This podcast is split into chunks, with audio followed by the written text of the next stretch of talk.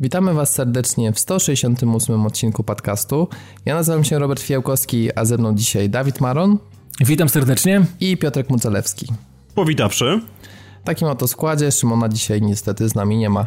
Więc e, w sumie bez zbędnych ceregieli zaczniemy sobie od krótkiego parafialnego, co jest już naszą tradycją, czyli zapraszamy Was na obejrzenie piątego odcinka Gościa Niedzielnego.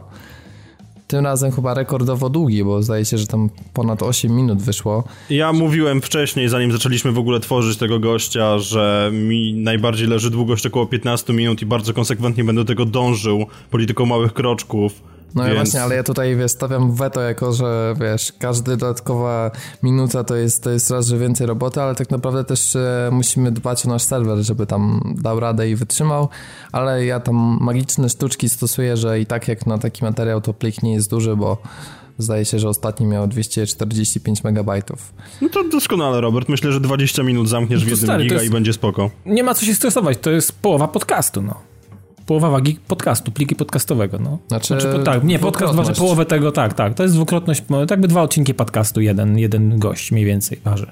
No tak, ale cóż, jeśli chcecie posłuchać jak na przykład Piotrek dwie minuty mówi o Far Cry'u i robi piękne koło po całej serii, czy na przykład twierdzi, tłumaczy się dlaczego wybuchy w Just Cause 3 mu nie leżą, a nowy Far Cry może też nie do końca będzie trafiony, no to wiecie, gdzie się udać. To, to Zapraszam serdecznie. Wiecie, gość niedzielny o tym traktuje, tak. Tak, wiecie co z nim zrobić, w sensie z gościem tak. niedzielnym, nie z Wow, wow, wow, chwilę, proszę, nie. Tak. No skoro znaczy już przy tym znaczy Far Cry'u jesteśmy, no to możemy sobie zacząć, bo temat jest na tyle dyskusyjny, że chcieliśmy nie, nie tylko Piotrka z tym samemu, samego zostawić, ale też, też we trójkę się tematowi przyjrzeć. E, dla tych, co żyją pod skałą i nie słyszeli, no to... No to oni słyszeli pierwsi raczej w tym wypadku. Już możliwe.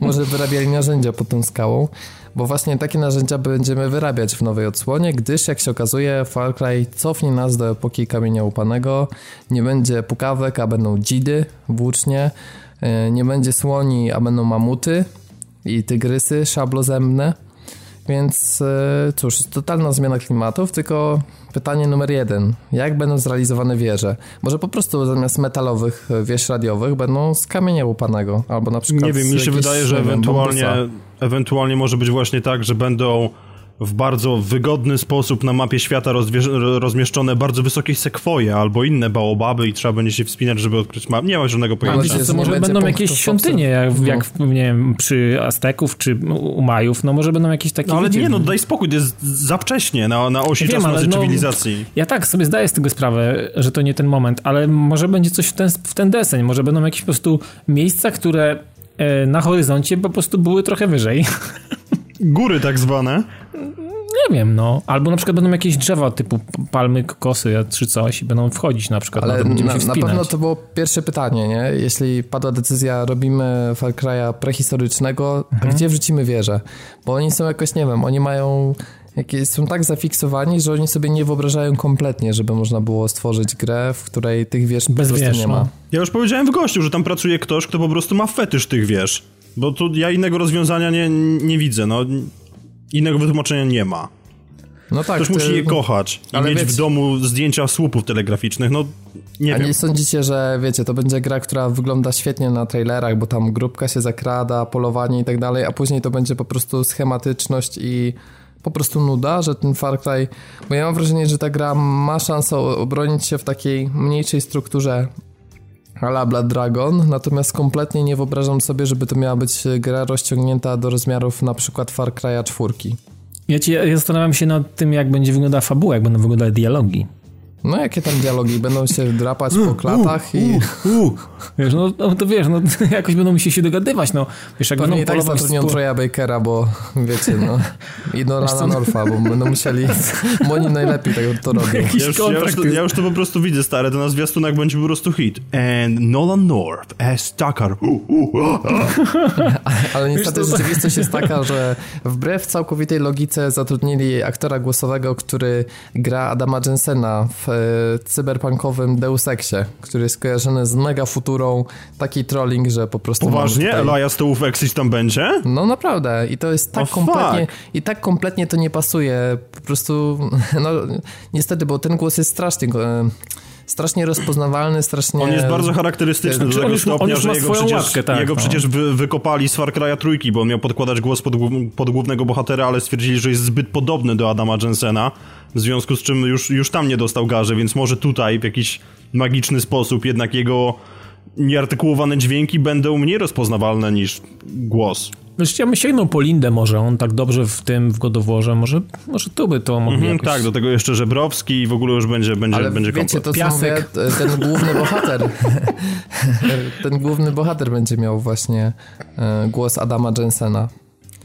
Czyli tego całego Eliasa Toufeix. Elias Toufeixis. Też nazwisko po chuju. No, ciężko się mówi, no to prawda. Nie po wuju, sorry. Miało być po wuju. Miało być bez przekleństw. No. Będziesz, będziesz pikał, czy będziesz kraczał? Będziesz pikał, to było na kracze. Krakał. Zrób, nie, zrób kraki. No, wiecie co, ja bym nad krakami posiedział, tylko że z racji tego, że nagrywamy dzisiaj, premiera jest dzisiaj, to nie będę miał czasu na kraki. Ale przy, przygotuję się na kraki następnym razem. Dobra, to czekamy, aż trzeba będzie tak, wiecie, tak sążniście zakląć, żeby zobaczyć, tak. jak to się sprawdza. No, myślę, że nie będzie stanowiło zbyt dużego problemu. Myślę, że nie. nie. E, jeszcze tak wracając do Far Cry'a, to epoka lodowcowa, prymitywne narzędzia. Będzie no. seed. Zobaczymy. No, nie zrozumiałem żartu, niestety. Znaczy, chodzi mi o epokę lodowcową. O oh, fuck! Aha. Ale Rozumiem. dobra, lećmy dalej. Dobrze powiedziałeś, bo pewnie część też by się nie... Nie no, myślę, że Sida to każdy zna, no przecież Pazura tam podkładał pod tą... No, no to już wiem. wiemy, kto będzie w polskiej wersji językowej, no. No właśnie, Pazura. To, wiecie, ta, nie, to nie była ta wiewióreczka, która tego orzeszka czy tam żołędzie ciągle, no, tylko ja tam był jeszcze taki... Moment taki potworus był tam jakiś, no. Aha. Taki jakiś dziwny, jakiś, nie wiem, wiesz, ozwierz, czy jakiś inny potworus, nie znam się. Ale był tam któryś był seedem, tak seplenił. To właśnie był seed. I to była epoka lodowcowa. Natomiast lodowcowej raczej no. nie ma w Layers of Fear, która, nie, nie, nie. która Właśnie, chociaż wiesz, wersji to... preview na Xbox One. I wybaczcie, że to było tandetne, płynne przejście, ale po prostu żeśmy tak polecieli z tematami, że chyba ciężko o jakiekolwiek połączenie. W każdym razie, Dawid, ty musisz powiedzieć coś więcej, bo wiecie, to, znaczy to, generalnie... Wiesz, to nie są moje klimaty specjalnie, ale zostając Jak ciebie, nie twoje to, klimaty? Ale PT, Silent Hill, no jak nie wasze, wasze, wasze klimaty? To są wasze klimaty. Właśnie powinniście wiedzieć o tej grze trochę, choć, choć, chociaż, chociaż to, że jest z Polski. O, to już, to już coś. A, a, wiecie, a wiecie coś więcej, czy nie? Nie, e, kompletnie nic, szczerze. O, właśnie, do ciepło, Piotrek, ciepło. To właśnie za, za to odpowiada e, polskie blo, Blobber Team, odpowiada za tą grę i powiem, Blober, że... naucz się mówić, Jezu. B Blober Team. E, I... Damn. w każdym razie... Na e, Xbox. Na Xbox One trafia w wersji preview. Xbox One, no to ustaliliśmy w zeszłym tygodniu, a, do tak, diabła. przepraszam. Bo tak, bo zapomniałem o tym, o tym włoskim, o tym tej włoskiej edycji tej konsoli.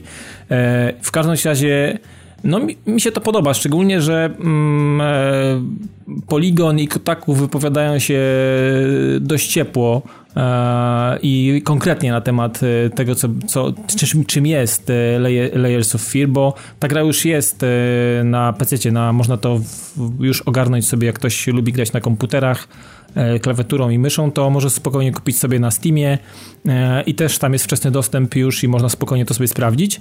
W każdym razie Gra jest niemalże ukończona już y, tam chyba na, na poziomie 80 czy 90%, e, więc y, pewnie za chwilę przejdzie do tej takiej fazy, wiecie, e, Golden Master, że tak powiem i będzie można w to połapać. No to jest typowy horror, znaczy może nie, może nie typowy, właśnie on nie jest typowy z tego względu, że mm, tam jest jakoś dużo, dużo oparte jakąś psychodelę i e, wszystko to jest ogarnięte jakąś e, 18 czy 19-wietną architekturą, jakimś malarstwem w ogóle. Tam jest jakiś po prostu generalnie, jak to powiedzieli ludzie z Poligona, że to jest takie piti na haju. E, więc generalnie no, brzmi to sensownie. Ja na pewno będę chciał sprawdzić, szczególnie, że no, nie mamy jakichś dobrych e, skojarzeń e, z, z Blobber Team, więc e, A to no, jestem ciekaw. W, w, tym miesiącu gra trafi do preview tak. tego nowego programu.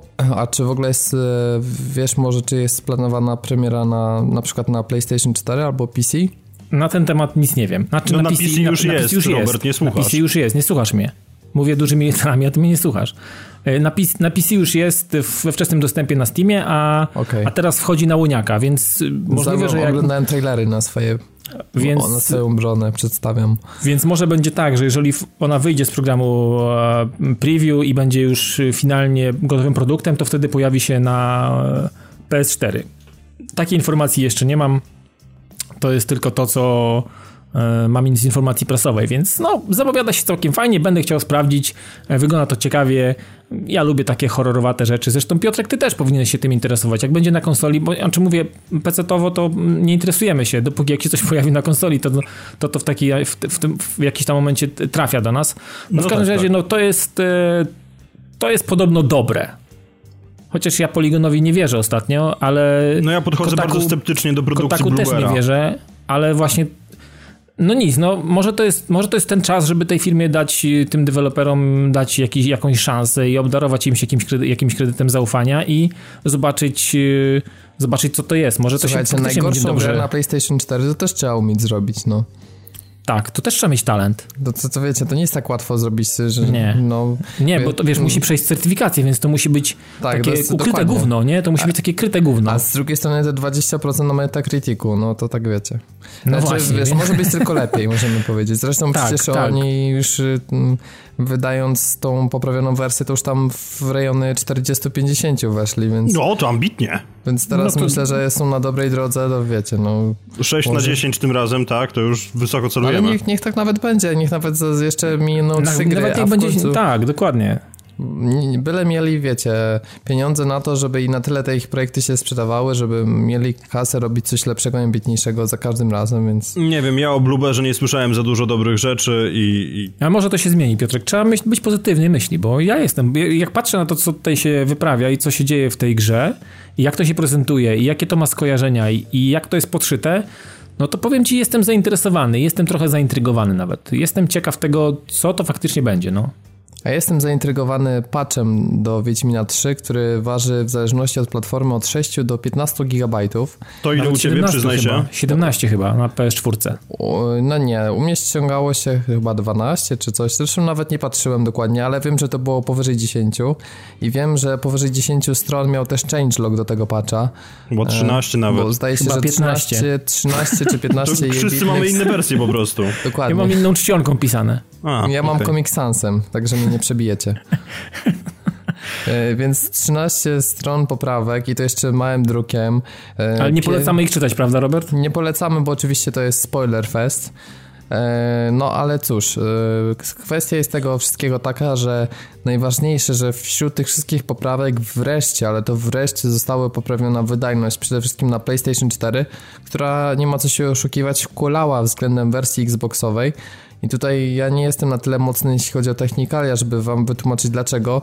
Wiem tyle, że e, system buforowania klatek, czy jeśli tak można nazwać, e, system, który był użyty na PS4 powodował, że jeśli gra zaliczała spadki animacji powyżej, poniżej 30 klatek, to gra spadała do poziomu 20 i blokowała się na tym poziomie, dopóki gra z powrotem nie osiągnęła 30. A ponieważ często lubiła skakać, no to jakby te wrażenia z, z, z animacji były większe niż w przypadku Xboxa One, który po prostu jak spadał, to tak wiecie, stopniowo z tych 30 powiedzmy na 22-3 i jeśli brało się pod uwagę, załóżmy ten taki średni framerate, to na Xboxie był lepszy. Ale wreszcie, wreszcie w tym patchu 1.10 e, sprawy wyglądają tak jak należy. Wydajność jest naprawdę niesamowicie poprawiona, dlatego że widziałem filmik e, na YouTubie na kanale NX Gamer porównujący, gdzie e, w, w, na tych bagnach nieszczęsnych, które mają jakby największe trudności, jeśli chodzi o framerate, e, no to wydajność została poprawiona tak ze średnich 24 na średnie 29 klatek, więc no, różnica jest wygląda naprawdę... to dobrze. Jest, no procentowo jest to jest przepiękny skok, zresztą podejrzewam, że jakość rozgrywki czy, czy doświadczenia płynącego z gry też jest na innym poziomie. No choć, chociażby walki w tym obszarze, bo wiesz, samo poruszenie to jeszcze pikuś, ale teraz walcz z jakimiś tak, trzema, czterema mobabki, mobkami. Tak, bo najgorsze było to, że wiecie, no ma, jesteś przyzwyczajony do, do reakcji na poziomie 30 klatek, gra ci się blokuje na 20 i często trafiało się tak, że nie do końca gra reagowała tak, jak tak by się chciało. No i raz, że to było frustrujące, bo widać po prostu już ten spadek płynności, to już jest poniżej tego kinowego 20, doświadczenia 24 klatek przecież, nie? No tak. E, ale no najważniejsze, że im się udało, tylko no muszę tak powiedzieć i to tak z Dawidem, żeśmy też dyskutowali przed nagraniem. Nie ma co się oszukiwać, że ta gra powinna wyjść dopiero teraz. Teraz byłaby skończona, teraz by miała swoją premierę i teraz dopiero byłaby w takim stanie, że wystarczyłoby wydać dwa, trzy drobne patche i temat byłby załatwiony. I, A... i ciągnąć do końca temat przy... DLC-ków. Tak, i miałaby New Game Plus od początku, wiecie, te jakieś tam drobne dodatki, wszystko, tak to powinno wyglądać. No moim zdaniem premiera jednak była przyspieszona i jakby e, no ten fakt opóźnienia też spowodował, że no nie mogli poprosić chyba tam o dodatkowe półtora roku, załóżmy, no bo to chyba by wszyscy zjedli ich, jakby o tyle przenieśli tą premierę. E, no ale cóż, no, produkt jest bliski ukończenia dopiero teraz.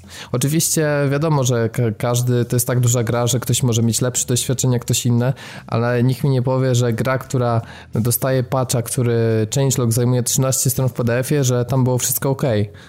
Jasne, no że to jest ogromna gra, ale no wiecie, no to jest już taki poziom, że ja nie wiem, czy changelog do Assassin's Creed Unity, które było tak powszechnie krytykowane, czy, czy tam było, gdzie dostaliśmy patcha, który pół gry wymieniał, no to, to, to w sumie jest podobnie. Jest ale wiesz, tak no w przypadku Diablo 3 jest tak samo. No, Handsome każda, Collection każda... to samo.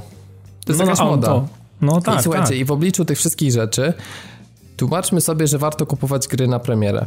No tak szczerze, to tylko wydaje mi się to sensowne w przypadku gier takich jak Destiny na przykład. Albo Diablo. E, Diablo. Bo każdy patch wymienia bardzo dużo i tak naprawdę gra jakby odżywa na nowo. To nie jest kwestia naprawiania gry jako takiej, bo ona działa dobrze, natomiast dochodzą nowe rzeczy, dochodzą nowe zabawki, dochodzą nowe jakieś wyzwania, których nie ma, no tak naprawdę, nie? Więc to jest, wiesz, taki... No i Battlefront też refresh taki. że warto by na, na premierę, prawda? Bo to wiecie, wszyscy wskakują, jeszcze nie ma opatentowanych no tak, tak, jakichś tak. tam, wiecie, najlepszych konfiguracji i fajnie się wrzuca z całym hypem.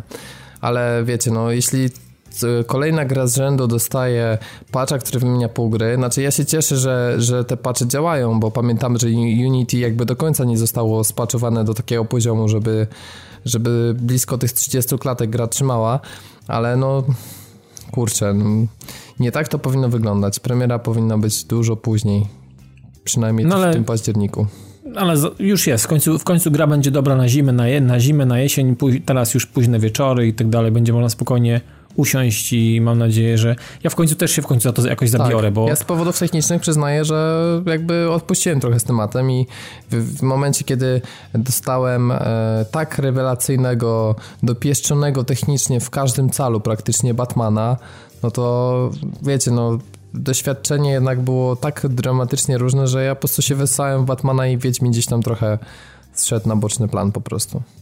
No ale widzisz, no to jest sytuacja odwrotna jak była z Destiny, tak? Bo Destiny przez rok działało bardzo dobrze, to jest jedna z najlepiej, e, ośmielę się powiedzieć, zoptymalizowanych gier na obecną generację, w ogóle najlepiej działających. Natomiast no, pod, pod kątem zawartości, no to po roku wyszła z bety. Teraz, teraz można w nią grać. No, dokładnie, więc to, to jest ciekawe, kurczę, nie? Że wiecie... No, ale mamy po prostu tak... taką trochę upośledzoną tak. generację i tyle.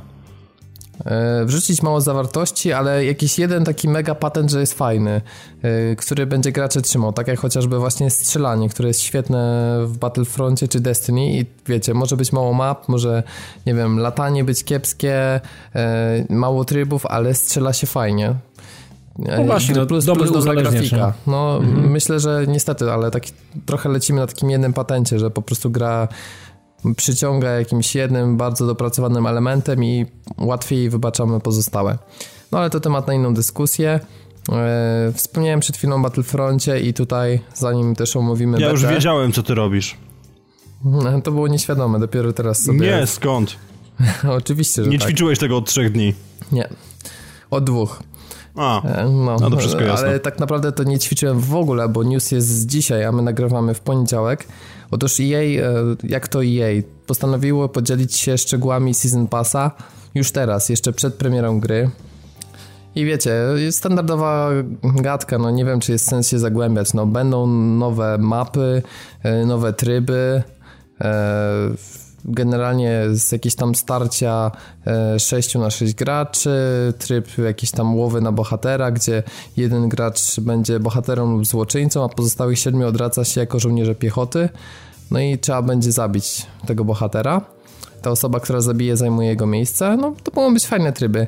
Natomiast e, Jakiś Jeśli... druid run jeszcze taki jakiś mega szybki, jakiś taki pewnie mega skillowy będzie. No tutaj no, wygląda na to, że coś tam dorzucą, no nie wygląda to na jakoś znaczy, takie... Te, te rzeczy, o których mówimy, to znajdą się w pełnej wersji, to teraz doczytałem, natomiast e, są informacje na temat przepustki sezonowej, która została wyceniona na, słuchajcie, 180 zł. No, to tak skromnie, skromnie. Po prostu. I tutaj, nie, powinno być ogólnie krakanie teraz takie. Takie, no, takie są żniste krakanie? Znaczy to jest takie, wiecie... O, wiecie, to e- powinna być cena gry, gry podstawowej. No, na Będą przykład. cztery większe pakiety dodatków udostępnione w miesiącach po premierze. Co, o, I teraz uwaga, y, posiadacze przypustki otrzymają dwa tygodnie wcześniej dostęp do każdego z dodatków. Wow. Oraz wyjątkową emotkę strzelił pierwszy. Nie, nie, to w tym wypadku ja, ja jestem sprzedany. Mówiłeś ile? Nie, nie, jesteś kupiony, a nie sprzedany. Jestem kupiony, tak, oczywiście. Ile, ile mówiłeś, że to będzie kosztowało? Ta, ta niewiarygodna przyjemność? zł, słownie. Stary, 100... biorę na pniu. Biorę na pniu, mimo że nie grałem w betę. Po prostu będę to wpierdalał jak zły. Ale słuchajcie. Ale 500 zł? Poczekaj, razem z grą, tak? Tak, jeśli wow. chcecie kupić grę z Season Passem, to już teraz jest dostępna wersja cyfrowa za jedyne 500 zł. Ej, nie, na, ja dla goldowców widzę 449 i 0,9 grosza. No to widzę, że promocja niezła. Natomiast tak. jeśli jesteście PC Master Race'ami i pa, pa, jesteście kupić? przyzwyczajeni do kupowania gier w Humble Bundle za, yy, za złotówkę, to tutaj możecie wydać tych złociszy 398. Wow. Na PC, wersja cyfrowa, 398 zł. Także, no wiecie... Zaczyna się dziać źle. Widzę, że po prostu jadą bez mydła. No tak e, mają po prostu te Star Warsy i widzę, że no, chcą się mocno nachapać na strzale, tak. Po prostu chcą tak, tak. do cna, wiecie... Znaczy, nie wiem, czy premium też tyle nie kosztował, bo to pamiętam, że też są jakieś chore, chore rzeczy, ale no, mm, wydaje mi się, że jednak Battlefield jest bardziej złożoną grą niż Battlefront i tutaj tylko i wyłącznie fakt e, wykorzystania licencji Star Wars i tego, że się fajnie strzela i się ludziom podoba, zobaczyli jaki jest odzew z bety i, i wyżej po prostu ustawili e, cenę. No kurczę, ja mam tak, dlaczego oni nie podali tej ceny na przykład przed rozpoczęciem bety, tylko teraz? Tak Wiesz, może widzą, może widzą coś, może widzą jaki jest odzew w ogóle po becie i jaki, jaki, jaka ilość no. ludzi wzięła udział w tym i to jest wystarczający powód. W tej Dokładnie. chwili patrzę dla goldowców 161,99 kosztuje sta, na, na, dla, dla łoniaka. Season Pass, no więc no 161, no to i to jeszcze to jest, jest już dużo, ale, ale do przełknięcia to znaczy, jest to mamy, wtedy mówimy o poziomie jakieś 40 zł za pakiet map, przy czym mówimy o czterech pakietach, nie wiadomo czy, czy w pakiecie będzie na przykład jedna mapa, jeden tryb, czy na przykład będą mapy dwie albo cztery, nie? Bo przypominamy, mhm. że o 8 zdaje się ma być w podstawowej wersji, które mają być darmowym dodatkiem rozszerzone o dwie mapy jeszcze po miesiącu. Aha. Także no, spodziewam się, że dodatki mogą mieć te, te dwie mapy. No to jeszcze Nie wiem, ja polityce no i... cenowej EA mówię jednoznaczne nie, bo to co oni odpierdzielają to jest po prostu jeden wielki kubeł i to zasługuje na kubeł pomyjów w twarz. Sorry.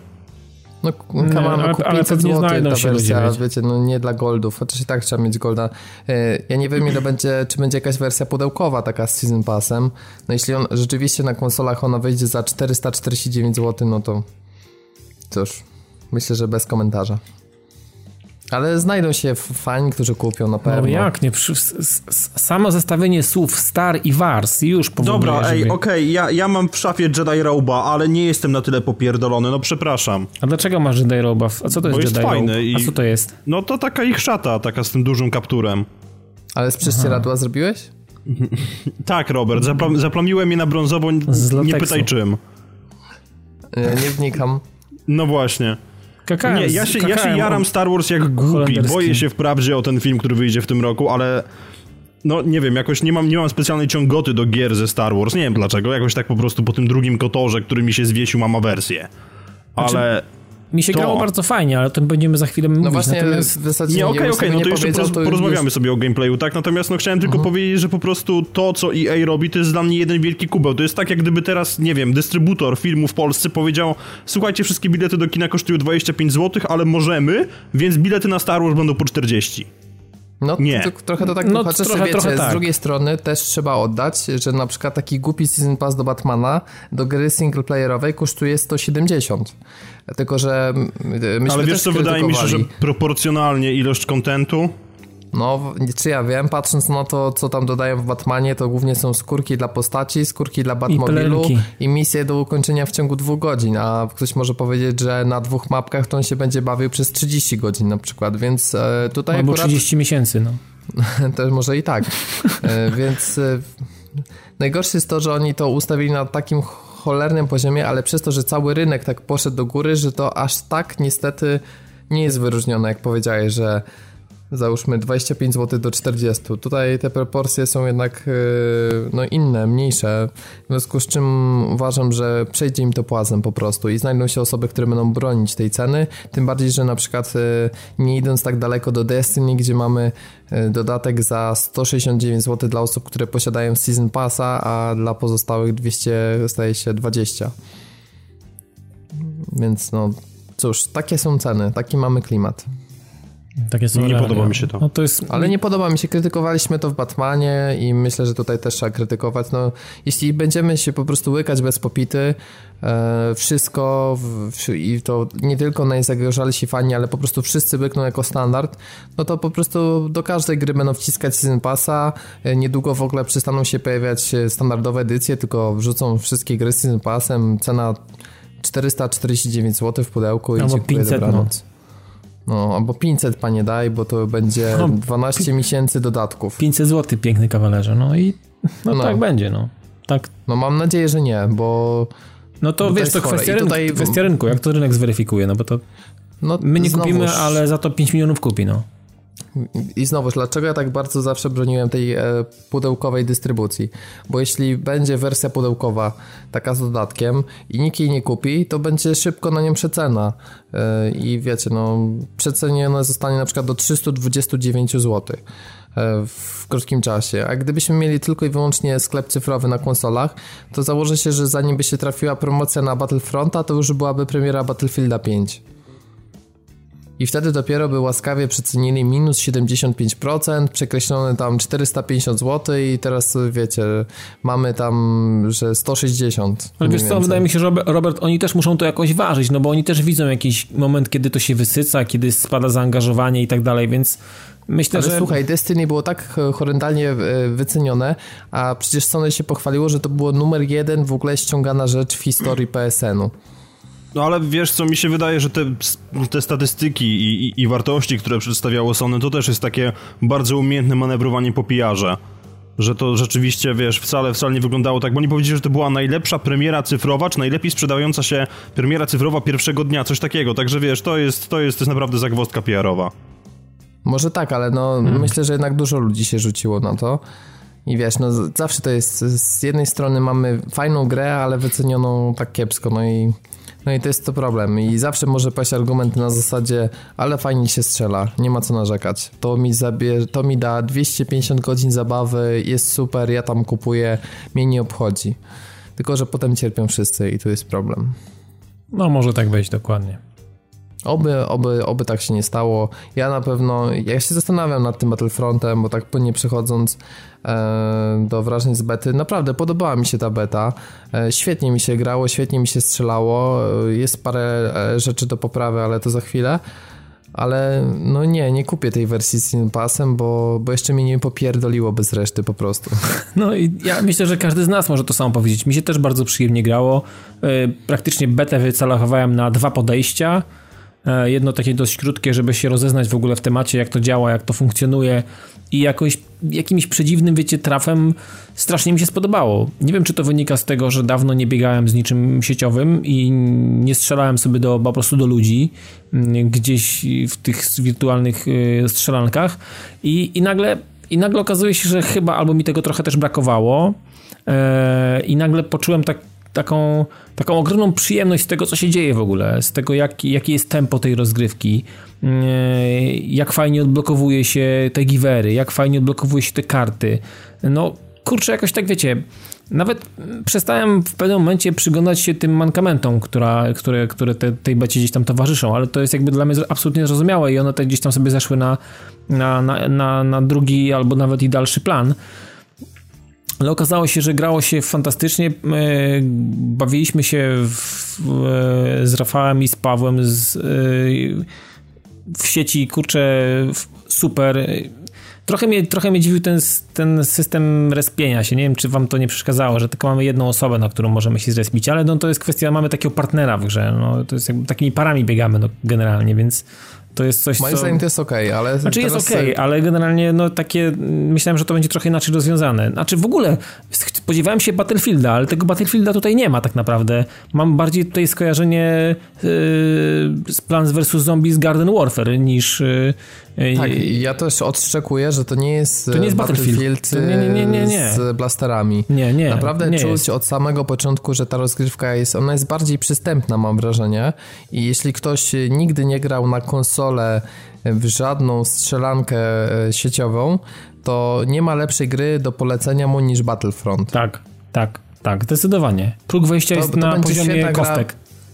Tak, ale wiecie co, bo wiele takich FPS-ów, w jakich zaczyna się grać, to na początek człowiek tak nie ogarnia i tak jeszcze średnio mu się podoba i nagle załapuje bakcyla po, załóżmy po trzeciej, czwartej rundzie. A z Battlefrontem miałem tak, że od momentu praktycznie kiedy wystrzeliłem z blastera, to, to już po prostu poczułem, jakie to jest fajne i, i, i ten fan tylko się zwiększał. Nie było takiego momentu, że musiało to zaskoczyć, tylko gra mnie jakby wciągnęła od, od samego początku, od, od piątej sekundy, jak zacząłem poruszać się po prostu. Tak, ja jeszcze odpaliłem... To naprawdę było fajne a, i duże a, zaskoczenie Od którego trybu zacząłeś? Bo ja zacząłem zacząłem od tego, od tej drop zone, od tego momentu, kiedy tam, no wiesz, spadają te, te po prostu jakieś takie kapsuły i trzeba ich generalnie, trochę taki, taki ala Conquest, taki, taki bardziej może nawet dominacja niż Conquest, bo dość szybkie to było, więc... Tak, i powiem szczerze, że yy, w przekroju całej bety, ogrywając wszystkie rzeczy, moim zdaniem yy, ta gra błyszczy właśnie w tym trybie i na no, tego rodzaju mapie. Tak.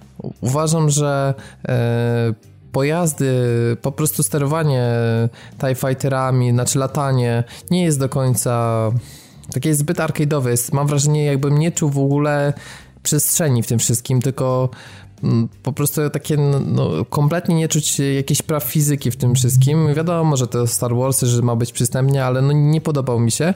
E, a jeśli nie chcemy latać, no to Problemem jest to, że wtedy na tym dużym trybie traktujemy trochę jako takie przeszkadzacze. Wiadomo, że to jest efektowne, ale po prostu jeśli my sami nie chcemy na przykład latać, no to moim zdaniem to jest takie trochę zbędne i dlatego w tym trybie Drop Zone, gdzie jednak akcja jest trochę mniejsza, bo tam jest zdaje się 16 na 16. Nie, 8 na 8 jest. O, 8, 8 na 8. A, sorry, o 16, tak, 8 na 8. To jest idealny balans, ta mapa naprawdę po tym jak się ją ogarnęło e, daje masę frajdy i mówiąc szczerze, to właśnie w ten tryb mi się tutaj tak, najlepiej grało. Tak, ja tak samo. Właśnie w tym trybie spędziłem większość czasu Myślę, że dobre 90-80% gry to po prostu właśnie w tym drop zone. Tak, radość mi się udało pod sam koniec na tej mapie wyciągnąć 30 kili i powiem ci, że no, ra radocha była niesamowita z tego faktu po prostu. Ty radochę miałeś niesamowitą z tego, że twoje OCD zostało zaspokojone, bo jeszcze powiedz jakiego miałeś skora. Aha, bo równo 5000, a tam wiecie no właśnie. Co, można mieć y, o, o dwa nawet y, że, że dodaje ci się na przykład 32 punkty czy coś, więc można mieć strasznie nierównego, a mi idealnie równo 5000, więc... Mm, to, to, było ważniejsze niż ilość kili, podejrzewam. No tak, to, to fakt, to było, jak to napisałem Piotrkowi, OCD approved. No tak. Nie, ale wrażenie ze strzelania jest świetne. E, tylko wiadomo, no beta się trochę szybko znudziła, bo jak to beta dali dwie mapki No tak, no ile można rozwiązać to samo, dokładnie. Więc, więc jakby miło, że przedłużony zostało jeden dzień, to jakby mm, specjalnie już nie grałem po to, żeby, żeby się nie znudzić, jakby, bo wiem, że gra ma dużo do zaoferowania, tylko jest po prostu typowo tak e, wrzucone kilka rzeczy na pokaz. Mamy zablokowaną rangę do, do piątego poziomu tam Znaczy ja zrobiłem dokładnie piąty poziom, zagrałem może jeszcze troszeczkę, żeby podblokować pozostałe tak. graty tak. i dałem sobie z tym polecam e, ten, ten plecak rakietowy i ten to jetpack, no jest, jest, jest tak. taki jetpaczek. To jest, jest to świetne. To całkowicie zmienia rozgrywkę, e, tym bardziej, że podejrzewam, że później większość graczy będzie z tym biegała i naprawdę po tym jak się ogarnie, to można w tak, w tak fajne miejsca szybko przeskakiwać, flankować przeciwników. Rozgrywka naprawdę super dynamiki nabiera i to, to, jest, to jest naprawdę coś mega. A graliście w tym, z tym widokiem TEP? Graliście, próbowaliście to? W ogóle. Ja też nie. Jakoś tak... Ale wiecie, co jest ciekawe? Nie wiem, czy tak mieliście, ale jak zaczynałem strzelać, to cały czas wciskałem kwadrat, żeby robić tak, reloada. Tak, ja mam dokładnie to samo. Miałem, mówię, kurde, co jest grane? I okazuje się, że te blasterki się same ładują w ogóle. Znaczy, no tak jest na przegrzewanie. Jak tak, tak, że jak przekręcisz go, to po prostu musi chwilę odsapnąć i nabić się znowu tam no tak jest. I ja też miałem, nie wiem, dobre, dobre kilka meczy to trwało, zanim od, odzwyczaiłem się przyciskania tego kwadratu niepotrzebnie. I kolejna rzecz e, bardzo ciekawa to jest e, to, że niekoniecznie zoomowanie przez celownik jest e, bardziej efektywne niż strzelanie z biodra. Tak. Zgadzam się, absolutnie. W wielu sytuacjach właśnie, szczególnie jak latam na przykład z tym pistolecikiem, to lepiej jest po prostu no tak z biodra strzelać. Y, wbrew, pozorom wtedy po prostu szybciej jakby... No nie tracimy czasu na to. Kursorem, tak, nie tak. tracimy czasu, mamy szersze pole widzenia i lepiej to działa. Tak, tak, zdecydowanie. No, to, to w ogóle nie ma, tak jak mówiliśmy na początku, to w ogóle nie ma nic wspólnego z Battlefieldem. Tutaj podnoszenie naprawdę givery, tam, miał, tam jest taki perk, takiego, takiego longshota, który jak siądzie, to praktycznie można powiedzieć, że od razu ma się killa, ale to ja z tego skorzystałem bardzo niewiele razy i i w ogóle trzeba trochę nad tym opracować, żeby wykorzystywać to w miarę sensownie i skutecznie, bo wcale nie jest łatwe strzelanie e, z, tych, e, z, tego, z tego perka, wykorzystywanie tego perka. Potem tam jeszcze doszedł taki. Tam, tam są trzy jakby perki można sobie załadować. Można załadować sobie jakiś rodzaj granatu, jakiś rodzaj ulepszenia broni i jakiś rodzaj. Tam, jest, tam są chyba też tych kart jest kilka było. E, ja miałem coś takiego, że przez chwilę strzelałem trochę mocniejszymi nabojami, coś takiego było. I to można było gdzieś tam sobie znaleźć na mm, w momencie, kiedy na, tej, na tym dropzonie realizowało się jakiś, wiecie, ten, któryś z tych kapsuł się tam ogarnęło, wygrało się, był to punkt, to wokół rozsypywały się takie możliwości zatankowania tego mm, jakby ulepszenia, plus jeszcze zbierało się takie błyskawice na mapie się zbiera, e, które też e, też coś dają i coś ładują, więc generalnie takie bardzo arkadowe to jest. No to jest takie strzelanie typowo, typowo mówię, Plant vs. Zombies Garden Warfare tylko dla dorosłych. No chociaż tam to też się wydaje, że niby jest dla dzieci, bo są takie potworki malutkie, jakieś kwiatuszki i tak dalej, ale, ale ja bym bardziej upatrywał tego kierunku, no. Ale powiem ci, dużo arcade'ów w tym jest i dużo fanów. Nie pamiętam, kiedy grałem w grę, w której tak przyjemnie rzucało i trafiało mi się granatami. No to tyle, ile kili tak, mi się udało. Tak, One tak, pot, lecą tak idealnie, mają naprawdę dosyć mocnego kopa tak. i wrzucenie, na przykład jak raz mi się udało nawet trzech wykosić jednym granatem. Ale powiem ci, ja to jest, często, jest... rzucałem na Janusza i gdzieś tam w końcu kogoś trafiało. To to jest, fakt, że mapa Ale... ta drop zone jest, nie jest za duża, no. Tak, no wiem, że to może potem być powiedziane, że oj, spam granatami, ale trudno, no ja miałem niesamowitą satysfakcję, bo ile razy mnie denerwowało to, że e, rzucam komuś pod nogi granat, a jemu zabiera jedną trzecią życia. Tak. Nie, tutaj jeśli znajduje się przynajmniej załóżmy, nie wiem, dwa metry od, od miejsca, gdzie granat wybucha, no to, to, jest, to jest, po kolesiu. Mhm. I to jest moim zdaniem fajne i osobiście nie chciałbym, żeby to było e, jakby stunowane, znaczy stwikowane i po prostu osłabione, bo no daje to naprawdę frajdę, no chyba, że na tych mapach dużych, gdzie wiadomo, że jeśli jest e, graczy e, tam 20 na 20, no to wiadomo, że jak każdy ma granaty, to, to może się na mapie pojawiać więcej, ale z drugiej strony te mapy są też dużo, dużo większe i to nie jest tak, że w jednym miejscu się spotyka tak duża liczba graczy, więc ja osobiście nie miałem z tym problemu, że zostałem spamowany granatami, to raczej ja spamowałem. No i ja też, fajnie. ludzie faktycznie rzucali i tak dalej, ale generalnie jakoś nie czułem tego żeby jest dźwięk, jest ostrzeżenie, da się uciec. Dokładnie. Tak, da się, da się. E, powiedz, Dawid, jak ci się podoba system taki, że e, umiejętności specjalne jakby znajdujemy na mapie i na przykład w tym trybie, e, gdzie spadają e, te... Mm, kapsuły? Jak, no, kapsuły właśnie, tego słowa szukałem, no to w momencie, kiedy taką kapsułę przyjmiemy i obronimy, no to te power-upy na przykład tam się w formie nagrody pojawiają, ale są też nieraz w różnych innych miejscach na mapie.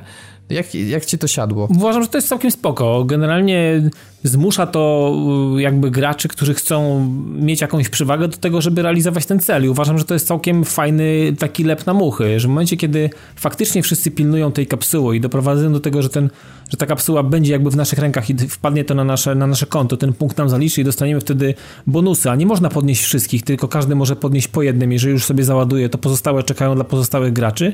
Więc uważam, że to jest całkiem fajna, fajna nagroda za realizowanie celu. Uważam, że to jest całkiem fair i to jest fajnie przemyślane według mnie. Nie mam z tym problemu absolutnie. W, w tym dużym trybie pojazdy też są w tej formie power-upów, czyli odchodzi nam problem taki, że ładuje się mapa i mamy spam pod tytułem klikamy, kto będzie w tej fighterze, kto w tak, AT&T tak.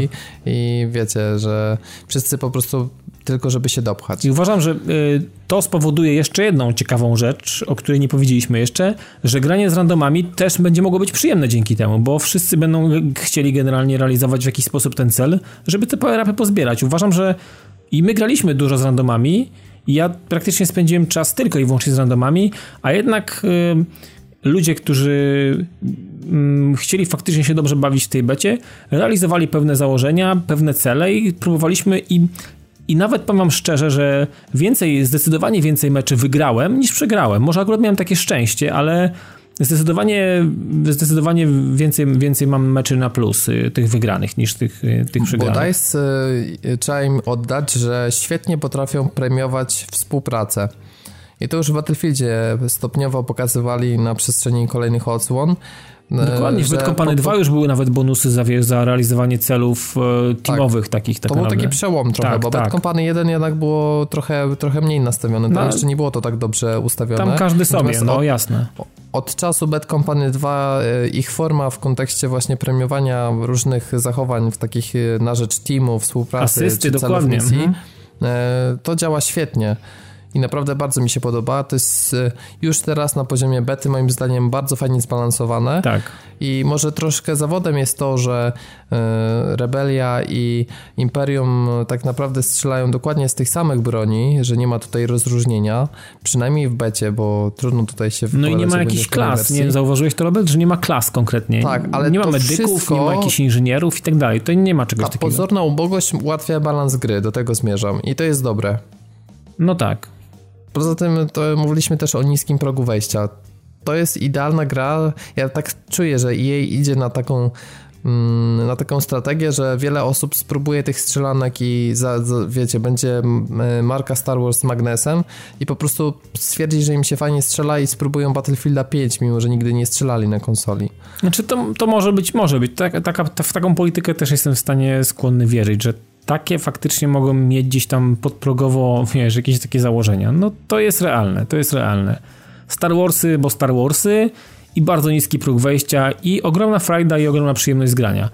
I to chyba wystarczy. To nie, nie, nie, nie będę wierzył, nie, nie uwierzę w to, że e, już teraz jestem w stanie się podpisać, że to nie, ta gra nie będzie klapą. To na pewno będzie sukces Battlefront. Tak, już teraz widać, że tego nie można spieprzyć. Nie.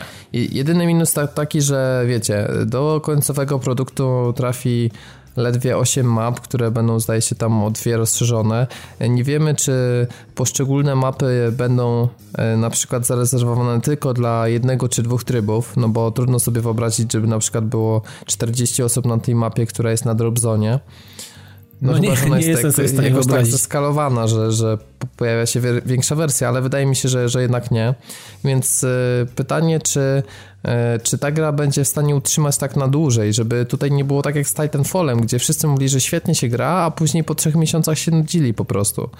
Tutaj jest y, duży znak zapytania, dlatego że jej trzeba przyznać, że no, potrafiło z Battlefieldem 4, który no, może, może i był krytykowany, może i miał swoje trudności, ale społeczność do dzisiaj tej gry niesamowicie żyje i masa osób w to gra i się nie znaczy, wiesz, i ten, i ten produkt dalej jest rozwijany, przecież teraz te mapy społecznościowe i tak dalej, tam te serwery, nie wiem, to jest CTF się nazywa, Community coś, nie pamiętam, nie chcę teraz ściemiać, ale jest coś takiego, że ludzie tworzą mapy i teraz to, co stworzyli tą mapę, która wygląda trochę jak Valparaiso albo jakaś mapa z Wietnamu, z Bad Company 2, powoduje, że mam ochotę wrócić do Battlefielda 4 i, i trochę znowu w niego pograć. Natomiast y, no wydaje mi się, że oni wiedzą, jak to robić. Oni jednak. Yy, może nie, że zęby zjedli na strzelankach i na shooterach sieciowych i tak dalej, bo jednak trochę przecierali szlaki, trochę się uczyli, trochę nie wiedzieli co, dlaczego Battlefield Bad Company 2 było takie fajne, przecież Battlefield 3 jest lepszy i Battlefield 4 to już w ogóle jest luksus,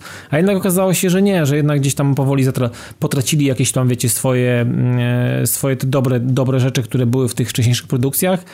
No i myślę, że mm, nie chcę też powiedzieć, że Battlefront to jest taki, nie wiem, powrót do tych dobrych momentów i do tego, do tego, do tego dobra, które było w Bad Company 2. Po prostu ja do tej gry będę ciągle wracał, bo to jest dla mnie taki, taki taki papierek lakmusowy, który po prostu będę przykładał do każdego shootera sieciowego i będę sobie zawsze od niego w jakiś tam, wiecie, w sposób wyrabiał, wyrabiał zdanie w oparciu o tą grę.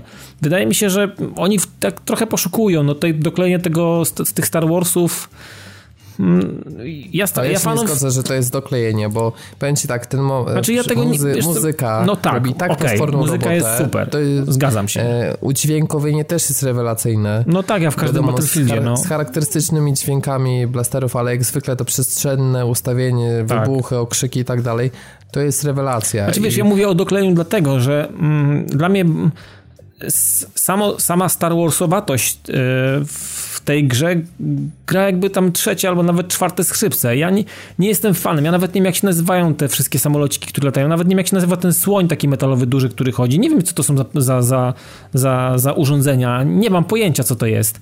E, nawet jak patrzę na te nazwy, to one mi absolutnie nic nie mówią i nie, wiem, nie, nie jestem sobie w stanie z nimi nie jestem w stanie się do nich odnieść, natomiast... E, Każde twoje zdanie to facepalm Rafała, pozdrawiamy. Pewnie tak, no ale tak jest, ja tak mam ze Star Warsami, to jest dla mnie marka, jest, która nie jest może mi całkiem obca, ale ja tam wiem na niej temat, wiem, że jest Vader jest w niej, no i jakaś księżniczka i jakiś Yoda. No. Ja, ja, nawet nie wiem, co mam powiedzieć w tej chwili. No, ale... Ja nawet nie wiem, co mam powiedzieć jako osoba, która ogląda Gwiezdne Wojny, kiedy źle się czuje na poprawę samopoczucia. No, Człowieku, skądś ty się urwał? No tak, ale tak ja jest, no i uszanuj to. nie zagrałeś niestety, nie? Słucham? Nie, ja nie zagrałem, bo przez weekend byłem zajęty. Okej, okay. ale żałuj, naprawdę żałuj i powiedz, Może czy w ogóle przy dzień. tych wszystkich e, pozytywnych e, opiniach, czy, czy w ogóle jesteś skłonny spróbować, bo powiem ci tak i powiem wszystkim słuchaczom, e, ja porównywałem trochę do Multi w Destiny. Może niekoniecznie powinienem, bo bo wiecie, no z jednej strony e, to jest, to jest gra, która jednak ma też aspekt singlowy, czy tam koopowy przede wszystkim i musi mieć mechanikę tak dostosowaną, żeby można było też walczyć z przeciwnikami e, sterowanymi przez konsolę, ale no ostatecznie jest to jeden z popularniejszych sci-fi shooterów, jedyny można powiedzieć tak popularny na, na PlayStation 4 i jeśli zagracie w Battlefronta, to nie ma odwrotu i nie ma powrotu do, do gry w Destiny w PvP. Po prostu to znaczy, wiesz, 60 ja ci, klatek, ja ta grafika, ta płynność, a przede wszystkim strzelanie, no mimo wszystko, no wiem, że w Destiny się fajnie strzela, ale no Gwiezdne Wojny po prostu to, to jest, jest to perfekcja w porównaniu, no tak jak w Destiny jest cholernie dobrze, to tu jest perfekcyjnie, no i po prostu no nie wyobrażam sobie, no chyba jakiś ultra fan albo osoba, która po prostu nie, no dobra, znudziła się Battlefrontem i wróciła po jakimś czasie, ale myślę, że no to, to, to byłoby jak przesiadanie się po prostu do dwie klasy niższego samochodu. To znaczy, ja ci powiem tak, na pytanie, czy, czy mam ochotę zagrać po tych wszystkich pozytywnych opiniach. Ochotę zagrać jak najbardziej mam, natomiast argument, że, że, że jest to lepsze multi niż w Destiny, wiesz, mnie niekoniecznie przekonuje z tego względu, że ja PvP w Destiny ruszam wtedy, kiedy a, muszę, bo jest jakiś quest, który jest z tym związany, albo po prostu ruszają jakieś tam eventy czasowe, typu Iron Banner, który teraz rusza we wtorek bodajże, czyli jutro, e, albo ewentualnie na Trials of Osiris ze znajomymi, bo tak poza tym to mnie PvP kompletnie nie rusza i fakt, że w Battlefroncie nie ma jako takiego singla, no jest dla mnie pewnego rodzaju odstraszaczem, no bo nie jestem aż tak bardzo w multi, tak? Jeszcze rok temu powiedział, że multi po prostu nie cierpię, ale no multi ma, ma, różne, ma różne twarze po prostu i no... No właśnie, ale tylko widzisz, że nie, nie lubię. Ale tak jak Destiny mówiliśmy, że to może być gra, która przekona cię do multi, tak Battlefront może być tą grą, która cię przekona do strzelanek. Pobierz tą betę, zobacz, y, czy ci zagra, bo bo naprawdę jest, jeśli ta, jeśli ta gra cię nie przekona, to już żadna na długo, mam takie wrażenie. Ona jest najbardziej przystępną i nie taką, wiecie, ona nie jest tak nastawiona na takie mm, mega e, współzawodnictwo jak Call of Duty, takie, że takie wiecie, Die Hard, e, e, którzy tam nastolatkowie tak się napinają, żeby wbić jak najlepsze KD radio. Tutaj absolutnie tego nie ma, więc myślę, że to jest, to jest duży plus. Oczywiście no, wyświetla się to jakby w trakcie rozgrywki, ale jakby sama przystępność rozgrywki powoduje, że, że to zupełnie inaczej wygląda. Natomiast jest e, na, na tym wszystkim e, ładnym obrazie jest jedna duża szrama, chciałoby się powiedzieć ząbki w kontekście Xboxa One, ponieważ e, gra niestety działa w 720p e, na Xboxie One i w 900p na PlayStation 4. Jeśli chodzi o te 900p, no to jeśli ktoś z was grał w Battlefield No to kwestia 4, jest dyskusyjna, powiedzmy sobie wprost, tak? Są Natomiast jeżeli chodzi... drobne różnice. Myślę, że tak uczciwie trzeba powiedzieć, są drobne różnice widoczne na przykład w przy zoomowaniu jakiegoś rodzaju, nie wiem, lornetką czy, czy lunetą e, powiedzmy, że najdalsze jakieś bardzo cienkie fragmenty, nie wiem, jakichś słupów i tak dalej, może są trochę bardziej rozmazane. Natomiast w ogólnej kontekście rozgrywki, to jeśli ktoś by mnie zapytał, czy wolę 900p i te bliskie 60 klatek, i taką grafikę, jaka jest teraz, to uważam, że to jest dobry kompromis i ja go akceptuję i uważam, że już teraz gra naprawdę działa bardzo, bardzo dobrze. No na Xbox One tego nie można powiedzieć. Znaczy generalnie no gra, gra działa działa dobrze, pomijając błędy, które posiada błędy takie typowo związane z betą, wiecie, jakieś nie, tam... No, o tym nie mówimy. O tym nie ale mówimy, mówimy no, ale mówimy wiesz, o tych, o tych aspektach, przede wszystkim wizualnych aspektach, bo e, znaczy widać, że to jest e, świeżość, jest trochę, jest poczucie tej świeżości, bardzo fajnie wygląda śnieg, bardzo fajnie wyglądają niektóre elementy, jest to, jest to w, w miarę wszystko ostre, ale w, w tym w tym takiej, w tej takiej pierwszej fazie, w tym takim w tych rzeczach, które Wtedy, są... kiedy masz ten efekt wow, tak? Tak, kiedy, kiedy jest ten, ten, ten efekt wow i patrzysz po prostu blisko pod nogi albo gdzieś tak naprawdę nie, nie za daleko siebie. Natomiast jeżeli patrzysz na skyboxy, patrzysz na to, co się dzieje jakby dalej i zaczynasz zoomować ten, ten, ten dystans... Yy, E, w innych partiach, zaczyna to wyglądać niefajnie i, i momentami też potrafi to pływać, jeżeli chodzi o klatki. E, no i to 720 mm, też powoduje, że jednak to nie urywa aż tak, jak myślę, że może urywać na PS4 albo na PC. No PC to jakby tutaj, tutaj w ogóle nie ma co tutaj wkładać w to zestawienie. Natomiast... Krótko mówiąc, 720p to już jest różnica. To tak. możemy dyskutować 900p Full HD, ale 720p, no sorry, nikt mi nie powie, że nie widać różnicy. No, Zgadzam no, się i nawet, nawet i tego nie będę bronił i, i ewidentnie mimo że ogólnie stwierdziliśmy, że wygląda to bardzo fajnie i gra się bardzo przyjemnie i to nie jest tak, że wiecie, gramy w jakimś pixelartowym szambie, tylko po prostu mm, no to mogłoby wyglądać lepiej i, i, i, człowiek podświadomie ma takie wyobrażenie, że, że to mogłoby wyglądać lepiej, to mogło być jeszcze ładniejsze, szczególnie te dalsze partie. Natomiast no to i tak będzie dalej dobra gra, no po prostu tylko ciutkę brzydsza, no. Takie mam wrażenie. No ale moim zdaniem to niestety doszło do takiego momentu, że jeśli ktoś ale 720, ma... 720p na nowej generacji, na obecnej generacji, no to jest już karny penis, no. No po prostu, no. Tyle. Ty pytanie, czy y, zgodziłbyś się na dużo gorszą grafikę, ale na 900p? Czy jednak y, ten kompromis jest dobry, że, że te skały, to wszystko co bliskie wygląda ładnie, a reszta rozmyte? Czy jednak wolałbyś, hmm. żeby na przykład jakość tekstur była mniejsza, żeby ostrość, nie wiem, po prostu, żeby było mniej detali, ale jakby... Kurczę, wiesz co, nie wiem, nie jestem sobie chyba w stanie, Robert, nie jestem chyba sobie w stanie tego wyobrazić i w jakiś sposób zestawić, natomiast y, wydaje mi się, że wolałbym ładniejszą grę. Czyli tak jak jest teraz, mimo tak, wszystko. Chyba wolałbym ładniejszą grę niż na przykład y, tego Battlefronta w 30 stałych klatkach z trochę ładniejszą, z trochę ładniejszą grafiką w skyboxach, czy tam w tych dalszych partiach, ale z, na przykład przy 30 stałych klatkach.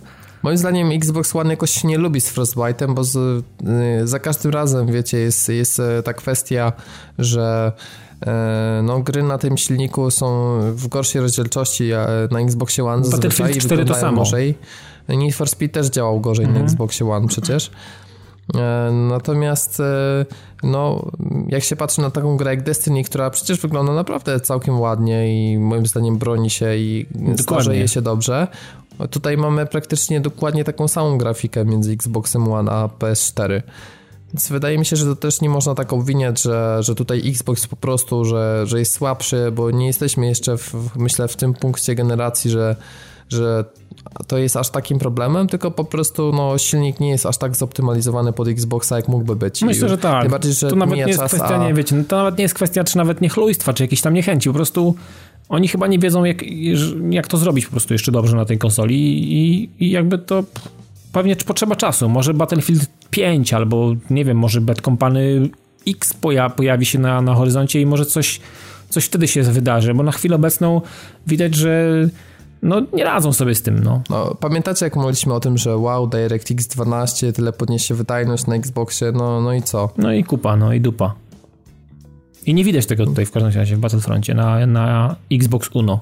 No mamy powrót do mrocznych czasów e, premiery, kiedy Battlefield 4 zdaje się właśnie e, był w 720p. Tak. E, na, na Xboxie, a 900p na, na PlayStation. No ale wiesz, tam jeszcze była stara generacja, bo tam było jechane to na 5 sprzętów to szło, więc to też tam no troszeczkę tak, ale inny... widzisz, no mija czas, a mamy no tak, powrót. Oczywiście tak. grafika jest ładniejsza, ale no wiecie o co chodzi. No wiadomo. Więc e, pytanie, czy ja bym kupił no ja się mocno zastanawiam. Za raczej jestem w kierunku na tak, ale nie za 5 stów, to już, to już ustaliliśmy. E, I też jakby będąc konsekwentny z tym, co mówiliśmy, Uważam, że nie warto składać preorderów na, na tę grę, mm, dlatego że bonusem jest y, dostęp tydzień wcześniej do dodatku, który i tak dla wszystkich będzie darmowy. No, czyli takie wiesz. Plus pewnie jakieś tam emotikonki śmieszne i skórki. Jakieś skórki, dokładnie. Moim zdaniem nie warto. E, no, jeśli chodzi o cenę, no to zdaje się, że niestety ten poziom, który ta generacja już przyzwyczaja, czyli te 230 zł prawdopodobnie trzeba będzie wydać, bo robiłem e, taki mały research po polskich sklepach internetowych, to, to mniej więcej za tyle można grę dostać i zdaje się, że e, w podobnej cenie gra trafi na półki sklepowe w Mediamarkcie czy, czy mm, w Saturnie, natomiast no może będą jakieś tam promocje z okazji premiery organizowane. Czasem się zdarza, że, że jakieś tam gry schodzą do na przykład 220 czy 210 zł, więc na to można liczyć. Znaczy ja ewentualnie. Tutaj z racji tego, że jest to gra sieciowa typowa, to ja zastanowię się nad tym, nad zakupem na premierę, bo pewnie prędzej czy później po prostu będę chciał w to pograć.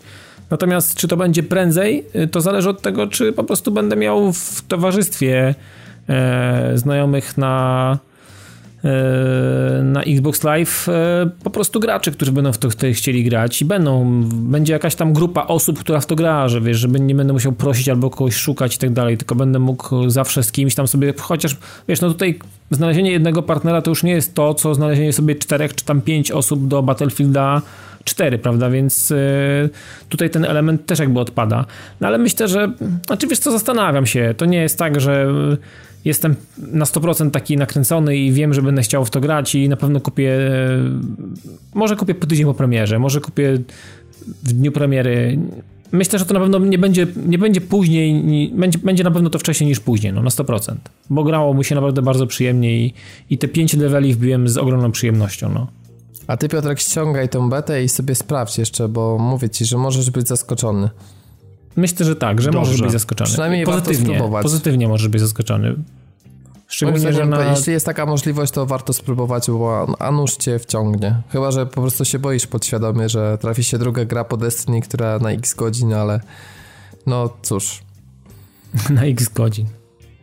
Trzeba, trzeba Ja jeszcze nie będę przyznawał, jakie tutaj liczby wchodzą w grę, bo... Nie, nie, nie przyznałeś się. Nie. Nie, nie, no, ale tysiąc to już tam dawno minęło, to już wiemy. Dobra, nie, nie, nie drąż tematu, nie ciągnij go za język, bo to nie ma sensu.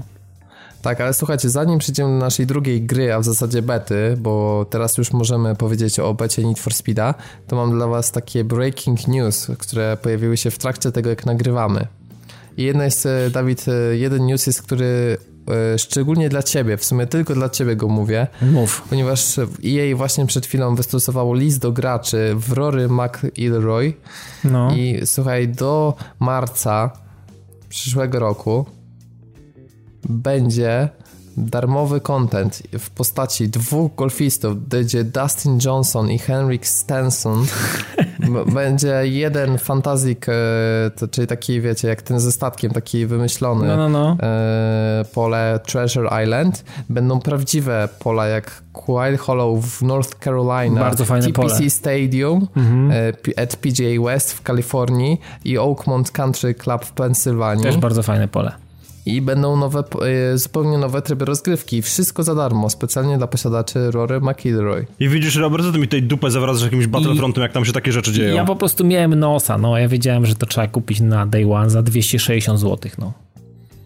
No ale słuchaj, tyle darmowego kontentu, że wiecie, no to masz takiego season passa za darmo, Teraz tak? tylko A... czekam, aż wejdzie to do EA Access, albo będzie jakaś mocna przecena i ludzie będą, będę miał kompanów do gry, bo ja akurat weekend spędziłem grając w baseball, ale czasami odpalam sobie Rorego, mimo że obtrzaskałem wszystkie te pola i znam je jak własną kieszeń już i już wiem, jak one się prezentują, natomiast wydaje mi się, że jak będę miał z kim pograć, to machaniem kijem zawsze jestem chętny. Rzucę wszystko i będę machał kijem z kimś. Ja wiem, bo e, nawet w takim głupim GTA Online to fajnie było na tym No widzisz, golfowym. czyli jednak, jednak golf ma coś takiego w sobie. Golf i baseball, tak jak ktoś nawet na grupie napisał dwa dni temu chyba, że oglądał kilka meczy baseballa, bo ja szarowałem w ten weekend bardzo intensywnie swoje rozgrywki e, z baseballa i szerowałem to na naszej grupie i nawet ktoś mówił, że kiedyś oglądał mm, i powiedział, że bardzo mu się to podobało. Nie wie sam dlaczego, ale że to było całkiem przyjemne i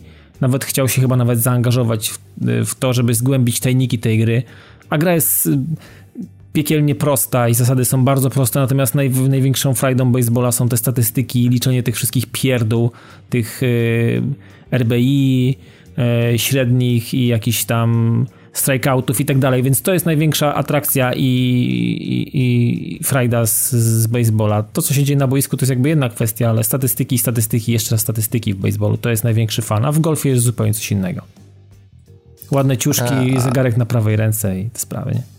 A drugi breaking news to jest taki, że znamy datę premiery Firewatcha. Kojarzycie tą pięknie wystylizowaną grę tak. w lesie, gdzie jesteśmy strażnikiem leśnym.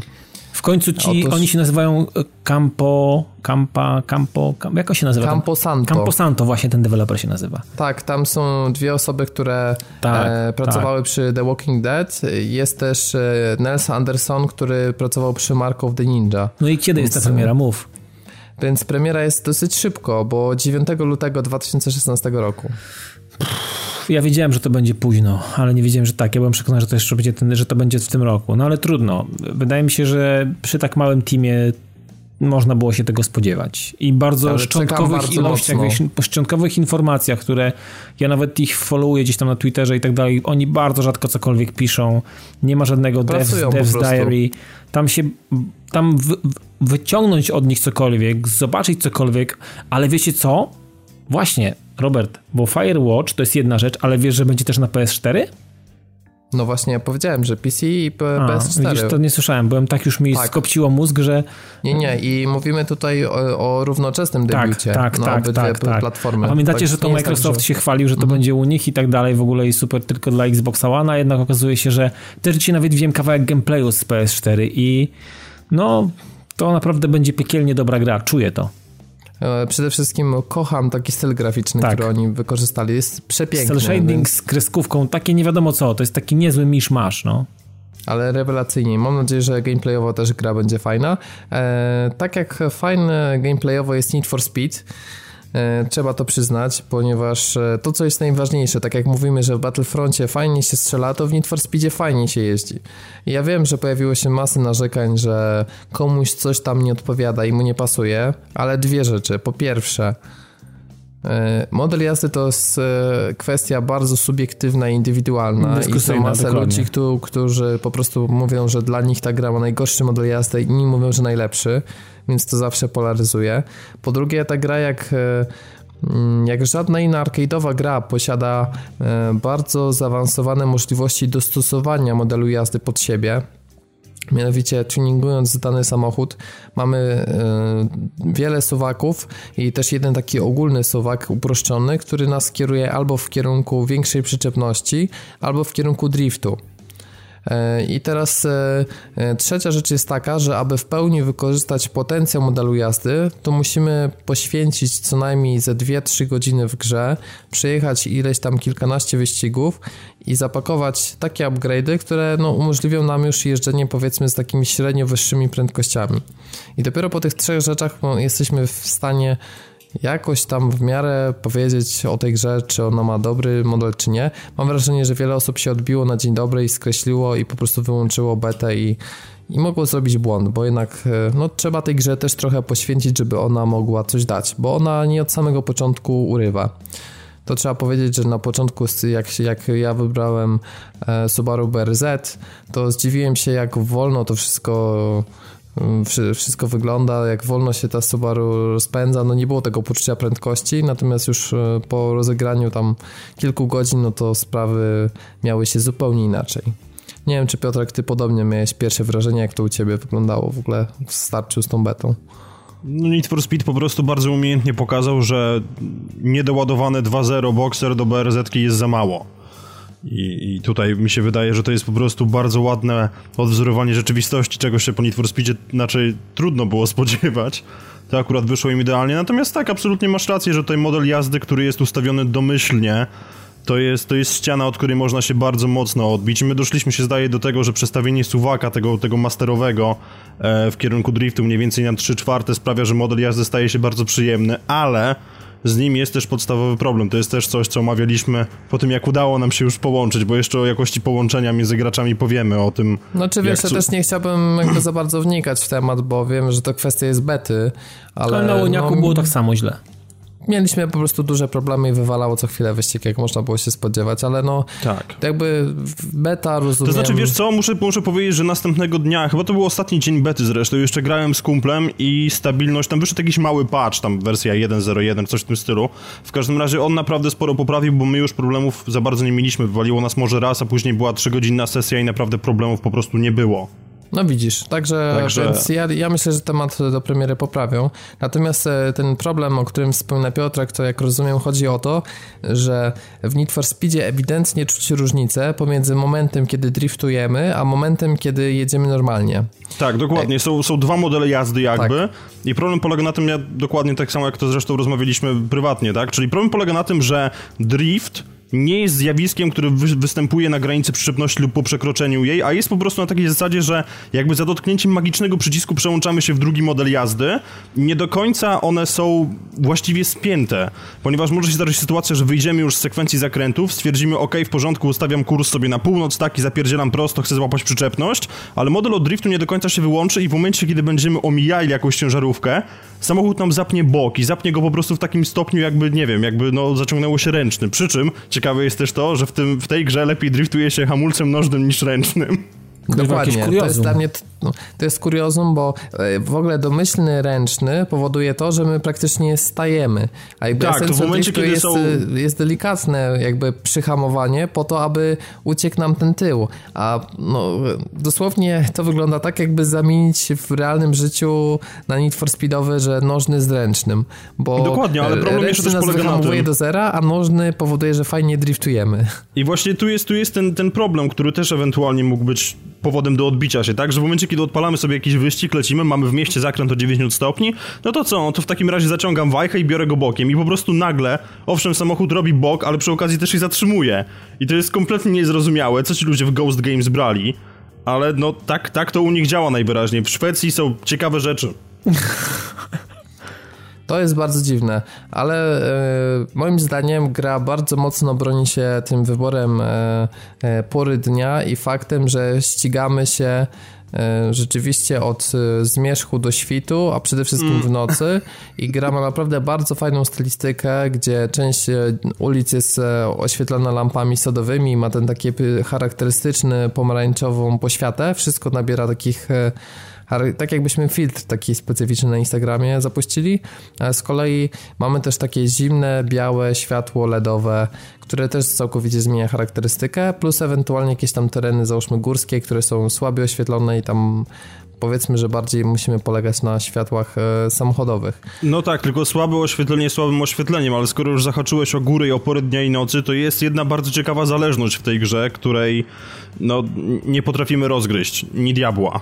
To znaczy, im wyżej jesteśmy w grze, jakby fizycznie, wjeżdżając e, zakrętami do góry, tym jaśniej się robi. Dokładnie. Czyli I to załóżmy, jest, to jest jesteśmy innego. na górze, mamy godzinę, załóżmy, nie wiem, bo to chyba jest kwestia tego, że tam jest rano, czyli piątą rano, załóżmy, mamy na, na szczycie góry, zjeżdżamy w dół do miasta i nagle jest trzecia w nocy.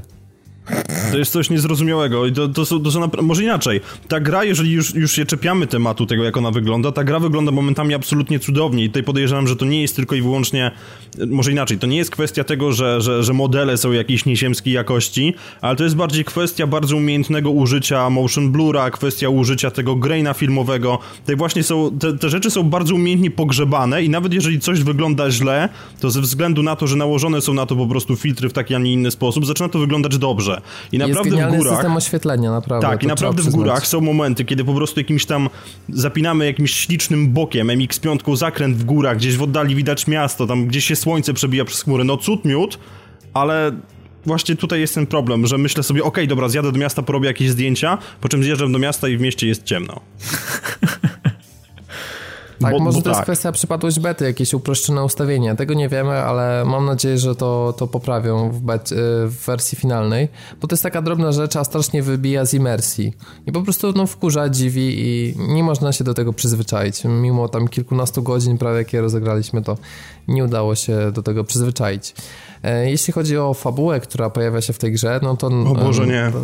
Powrotem, można powiedzieć, bo to nie nowość dla serii, e, mamy cutscenki e, z żywymi aktorami, to znaczy może inaczej, zacznijmy od tego, że tak jak w każdym chyba Need for Speedzie tego typu, jest typowa dla, dla tego typu gier konwencja od zera do bohatera, czyli wybieramy sobie pierwszą furę i tak dalej, ale wszystko jest ubrane oczywiście w moim zdaniem nadmierne ziomalstwo i wjeżdżamy do klubu, tam dupery tańczą do techno i w ogóle dzieją się rzeczy. Ken Block siedzi w kurtce Monstera i pije Monstera, rozmawiając z osobą, która pije innego Monstera, więc PR jest widoczny na każdym kroku. Natomiast jeżeli chodzi o fabułę, to Robert, proszę, kontynuuj. Nie wiem, tam nie ma jakiejś sensownej fabuły, więc nawet nie wiem, co mam kontynuować. Powiem nie, tyle, nie, opowiadaj że... o tym, jak Amerykanie śmieją się z własnych, własnej ułomności i niemożności wymawiania imienia Manuel na przykład, czy Emanuel, czy jak on się tam nazywał. No właśnie, manuala to brakuje w tej grze, można płynne przejście zrobić. O, to piękne było. To jest największa wada tej gry. No, jak nie rozumiem, to jest, to jest prosta rzecz, mam wrażenie, do zaprogramowania. Może się mylę, ale wiecie jak to jest. E, jak mamy, załóżmy, kupując prawdziwy samochód do kupienia do wyboru, to możecie być fanami automatów, ale jeśli ten automat działa, jest beznadziejny i nie potrafi dostosować biegów i jeśli jesteście w górach, to albo jest bieg za niski, albo za wysoki, to was po prostu wkurza i marzycie o tym, żeby mieć możliwość ręcznej zmiany tych biegów. I tak jest właśnie w Need for Speedzie. Ja uważam, że nawet osoby, które nie są zagorzałymi, tak jak mm, ja czy Piotrek, fanami manualnej skrzyni, tracą bardzo dużo na tym, że zostaliśmy po prostu pozbawieni tego wyboru, dlatego że ni cholery przełożenia nie są właściwie ustawione, nie ma opcji w ogóle E, do strojenia przełożeń skrzyni biegów, więc nawet nie można się poratować tym, aby skrócić je, czy tak ustawić, żeby po prostu samochód nam nie zdychał w momencie, kiedy jedziemy na autostradzie i mamy pod górę, bo wjeżdżamy na jakiś wiadukt, to zamiast redukcji na czwórkę, no to ciśniemy na piątce i po prostu wytracamy prędkość, co jest beznadziejne. Nie, dokładnie. I tutaj ktoś może powiedzieć, że to jest kwestia uproszczenia i przystępności gry, tak? I oczywiście można mieć taki argument, natomiast sęk w tym, że no nie wiem Silniki spalinowe charakteryzują krzywe mocy, mocy i momentu i ten automat źle działa po prostu. On, on, on nie dobiera swoich przełożeń w zależności od tego, a w zależności od jakiegoś widzimisię. Bo nie, nie wyobrażam sobie sytuacji, w której 750-konna 911 GT3 ma problem po prostu ze zredukowaniem biegu. No sorry, ale nie. Bo takie rzeczy też mi się zdarzały w tej grze. No, to jest, to jest, to jest prawda i no, to jest jak, jak jakaś skrzynia automatyczna od Japończyków. Nie, nie jest to DSG dwusprzęgłowa. Można takie motoryzacyjne porównanie zrobić. E, teraz jeszcze z takich rzeczy, które wkurzają, no to telefony. Chciałby się zaśpiewać e, Grzegorza Ciechowskiego i Republikę. Telefony, telefony bo po prostu ciągle dzwonią. No, naprawdę GTA 4 to jest nic przy tym, ile i Roman, który chciał, żebyśmy Ale wiesz co, ja tęskniłem. Ja autentycznie po raz kolejny, kiedy widziałem, że dzwoni do mnie Manu albo Spike, to myślałem sobie, proszę, niech to będzie Roman. Niech Wiecie, on powie, cousin, it is your cousin, let's go bowling. No, Sorry, Idziemy ale... wyścig, dzwoni telefon. Yy, załącza się cutscenka, dzwoni telefon. Jesteśmy w garażu, dzwoni telefon. Tuningujemy naszą furę, dzwoni telefon. Już prawie wychodzimy do menu, dzwoni telefon. No ile kurwa można, ja się pytam. No tak było, ja też to zwróciłem uwagę. Jeszcze żeby, znaczy na szczęście e, znalazłem małe obejście, to znaczy można odebrać połączenie i tym Robert, wszystko ok, ale dla, dlaczego znalazłeś to po tym, jak ja skończyłem fabułę? No, Mówili, że nie ma fabuły. rozmowy. Mówili, że to nie ma fabuły. Znaczy nie znaczy, ma no, fabuły, są okay, nic nieznaczące, bezmyślnie napisane dialogi, które po prostu odrywają cię od tak, ale, ale skoro przy tym jesteśmy, tym, to warto byłoby też powiedzieć, że z racji tego, iż to, iż to jest realizowane w konwencji cutscenek, to bardzo sympatyczne ze strony twórców jest to, że na cutscenkach metodą jakiegoś magicznego połączenia green screenu i modeli 3D znajduje się samochód, którym jeździsz. To jest, tak, to jest naprawdę bardzo fajne. To jest zajebiste. To muszę im oddać, że to strasznie dodaje imersji i tak jak słyszałem marketingowej gadki, że wtedy czujesz się, że jesteś częścią tego, co się dzieje na ekranie, ale to faktycznie działa. To jest prosty niby patent, ale moim zdaniem bardzo fajnie to zrobili. Więc, więc to jest naprawdę to jest naprawdę super. Jeśli w ogóle chodzi o garaż, Podoba mi się, że jest e, nastawienie w Need for Speedzie na posiadanie pięciu takich wypieszczonych samochodów, a nie garaż zrobiony z 70 na przykład samochodów. Bo tutaj mamy w garażu tylko 5 miejsc i z tego co słyszałem w jakimś wywiadzie, to jakby to jest e, e, z góry ograniczenie, które twórcy po prostu specjalnie wprowadzili do gry, żeby inaczej ją zbalansować. I moim zdaniem to jest świetne posunięcie, dlatego że jak mamy 70 samochodów, to i tak e, realnie lubimy jeździć tylko kilkoma, a tutaj powoduje, że naprawdę mamy takie wrażenie, że to są nasze samochody, a nie tak, że po prostu jesteśmy jak jakiś bogaty Arab w Emiratach Arabskich, który zamiast e, garażu ma po prostu halę, gdzie można by otworzyć muzeum motoryzacji, bo wykupił wszystkie najrzadsze modele, które zaczynają się od 10,5 miliona euro. Jest naprawdę tutaj fajnie. W ogóle jeśli chodzi o dobór samochodów, tak jak narzekaliśmy w Drive Clubie na to, że nie ma japońskich samochodów, e, na przykład, e, to tutaj jest to świetnie wymieszane, dlatego że nie mamy, tak jak w poprzednich Need for Speedach, samych jakieś Veyrony, Porsche 918 czy LaFerrari. Nie, tutaj właśnie mamy Subaru BRZ, e, tu, tutaj znaczy, mamy tutaj Subaru, Supre. Subaru BRZ jest w ogóle bardzo ciekawa sytuacja, ponieważ dla tych z was, którzy może nie wiedzą, BRZ, e, BRZ jest wynikiem współpracy między Toyotą a Subaru i on jest sprzedawany jako Toyota GT86 albo Subaru BRZ, a w Stanach Scion FRS i, I chyba pierwszy raz się zdarzyło, tak, że w grze są wszystkie trzy, więc jeżeli jesteś fanem Scionu z jakiejś dziwnej, z jakiegoś dziwnego powodu, to możesz jeździć Sionem FRS. To, to jest bardzo na propsie, ale tak zupełnie serio. Na propsie jest też to, że wrzucone jest trochę takich, nie powiem, że klasyków, ale takich troszkę youngtimerów, bo między innymi jest pierwszy w historii Nissan GTR, a więc Hakosuka i to jest, to jest naprawdę bardzo miły ukłon w stronę ludzi, którzy jakby wiedzą, co się dzieje w tym świadku i co jest naprawdę fajne. Jest Mustang z 69, świetnie mi się nim jeździło i naprawdę bardzo fajnie e, model jazdy muscle carów e, pasuje mamy, mamy też trochę szybsze samochody, prawda? Bo też e, Lamborghini Huracan na przykład e, trafił tutaj do zestawienia, czy zdaje się, że najlepszym jest Ferrari F40, ale generalnie widać nastawienie na jednak takie samochody powiedzmy z dolnej i średniej półki samochodów sportowych, które zyskują na tym, że je tuningujemy i to właśnie cechowało oryginalne undergroundy i tutaj w tym szczególnie chyba tutaj czuć powrót do, do korzeni w pewnym sensie. Natomiast jeśli ktoś by mnie zapytał, czy to mogłoby się nazywać Need for Speed Underground 3, to ja szczerze mówiąc nie poczułem tam na tyle dużo nostalgii, żeby to tak nazwać. Począwszy od muzyki, która kiedyś była rewelacyjna w tych odsłonach, a tutaj ciężko to nawet nazwać muzyką. W drugiej minucie wyciszyłem. W drugiej minucie. miasto, miasto tak? moim zdaniem w porównaniu na przykład z, ja jeszcze patrzyłem gameplaye w Undergroundzie 1 czy, czy nawet dwójce tam jakoś mi się wydawało ciekawsze, no...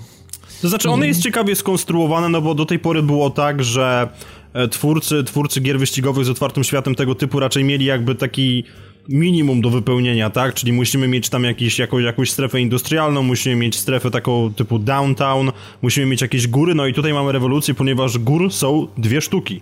Więc to znaczy w sensie e, obszarów górskich, tak? Więc to jest, to jest coś nowego. Natomiast jeżeli chodzi o samą konstrukcję, to jest typowo. Mamy obwodnicę, po której zapewne będą rozgrywane jakieś tam szybsze eventy w późniejszej fazie gry. E, mamy, mamy strefę industrialną, w której między innymi odbywa się no nie śmiem tego nazwać Jim, ale tak się to nazywa. Tak, nazywa się Gymkhana, jest po prostu zwykłym eventem i jest tylko nazwane tak, żeby było fajnie, bo mamy Kena Bloka, mamy licencję, więc jest Gymkhana. Tutaj duży minus za niewykorzystanie potencjału, bo Dirt 3 robił to o klasę lepiej. Dokładnie, także no miasto same w sobie jest, jest po prostu jakieś takie troszkę bezpłciowe. Tak i przede wszystkim cholernie puste, brakuje trochę ruchu ulicznego, plus brakuje myślę, że no jakieś większej liczby detali momentami, no trochę, trochę to tak wygląda jak jakbyśmy, nie wiem, tylko te samochody jeździły w mieście, nic innego tam się nie działo, żadnych jakichś świateł, neonów, tego no jest trochę takie mm, zbyt poprawne może. To Ciężko znaczy, to powiedzieć. A no, propos, no, oni a propos poszli samego... w realizm, ale no czegoś tam brakuje. Trudno to jest do końca powiedzieć czego, ale no mogłoby się tam coś dziać, jakieś imprezy na mieście, muzyka gdzieś grająca, no tego typu rzeczy, lasery jakieś. Nie tylko na cutscenkach.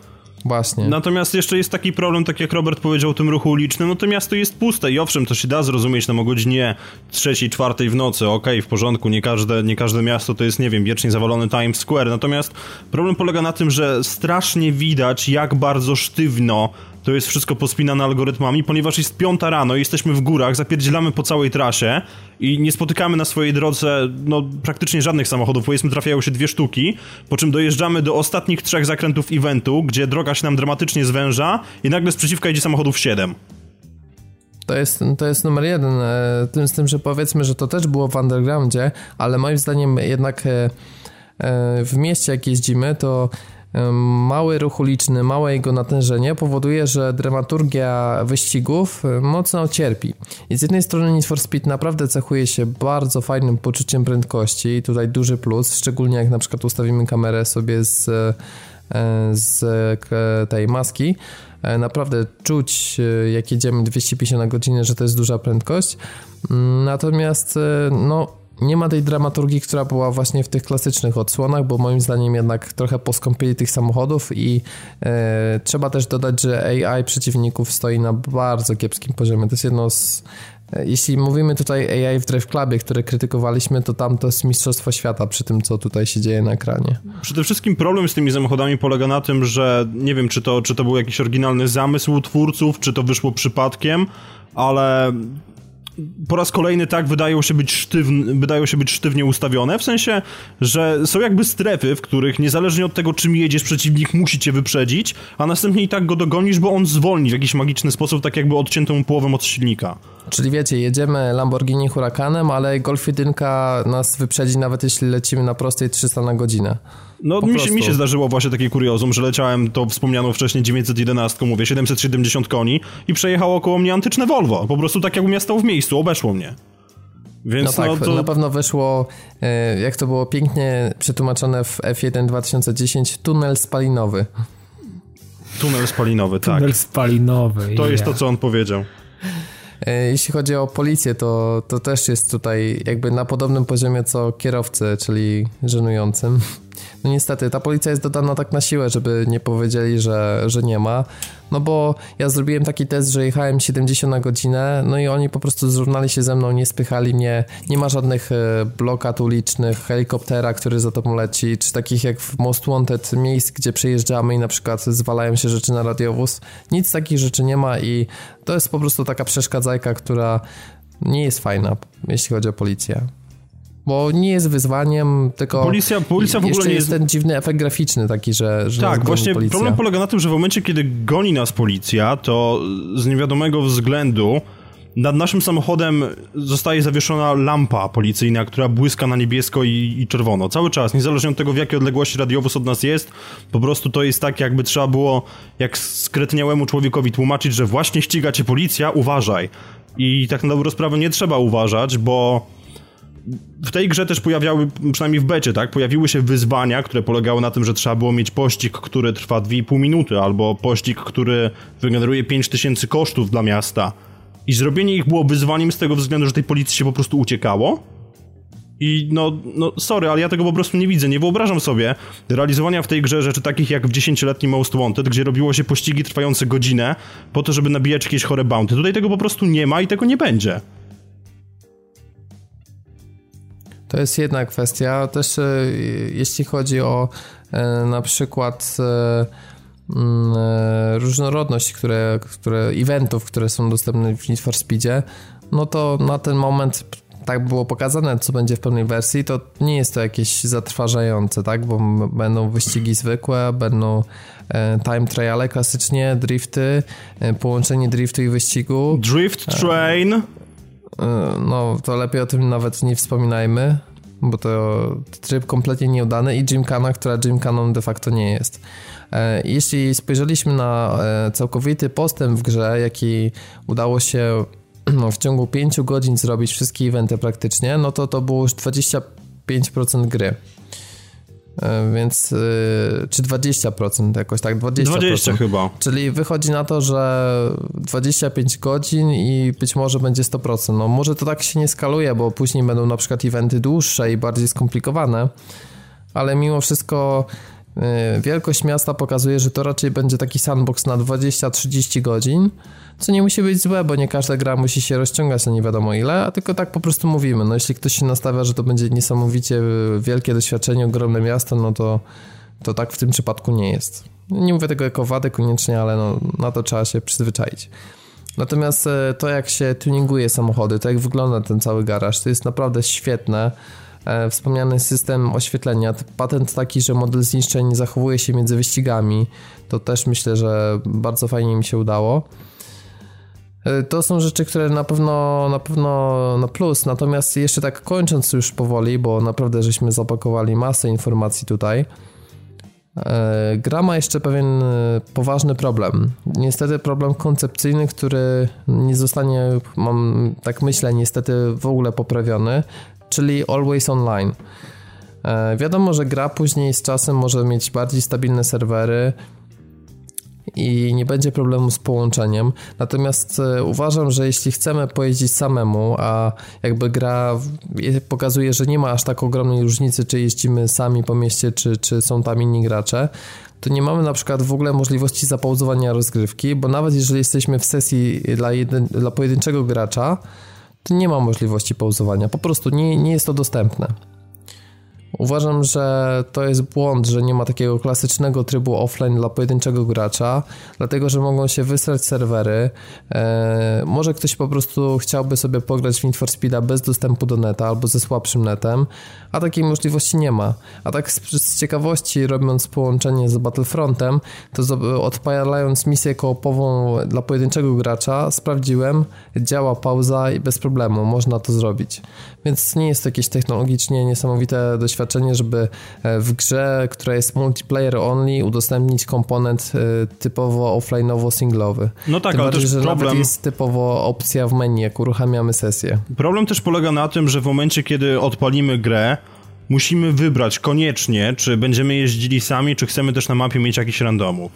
Nie ma, może inaczej, możemy sobie odpalić sesję samemu, ale wtedy te Always Online w ogóle już kompletnie traci jakąkolwiek rację bytu z tego względu, że nie można, nie można do nas dołączyć. Jest stworzona sesja na zdalnym serwerze tylko dla jednego gracza i żeby teraz z takiej sesji wyjść i zacząć grać z naszym znajomym, trzeba wyłączyć grę, bo opcji wyjścia do menu głównego w niej nie widzieliśmy.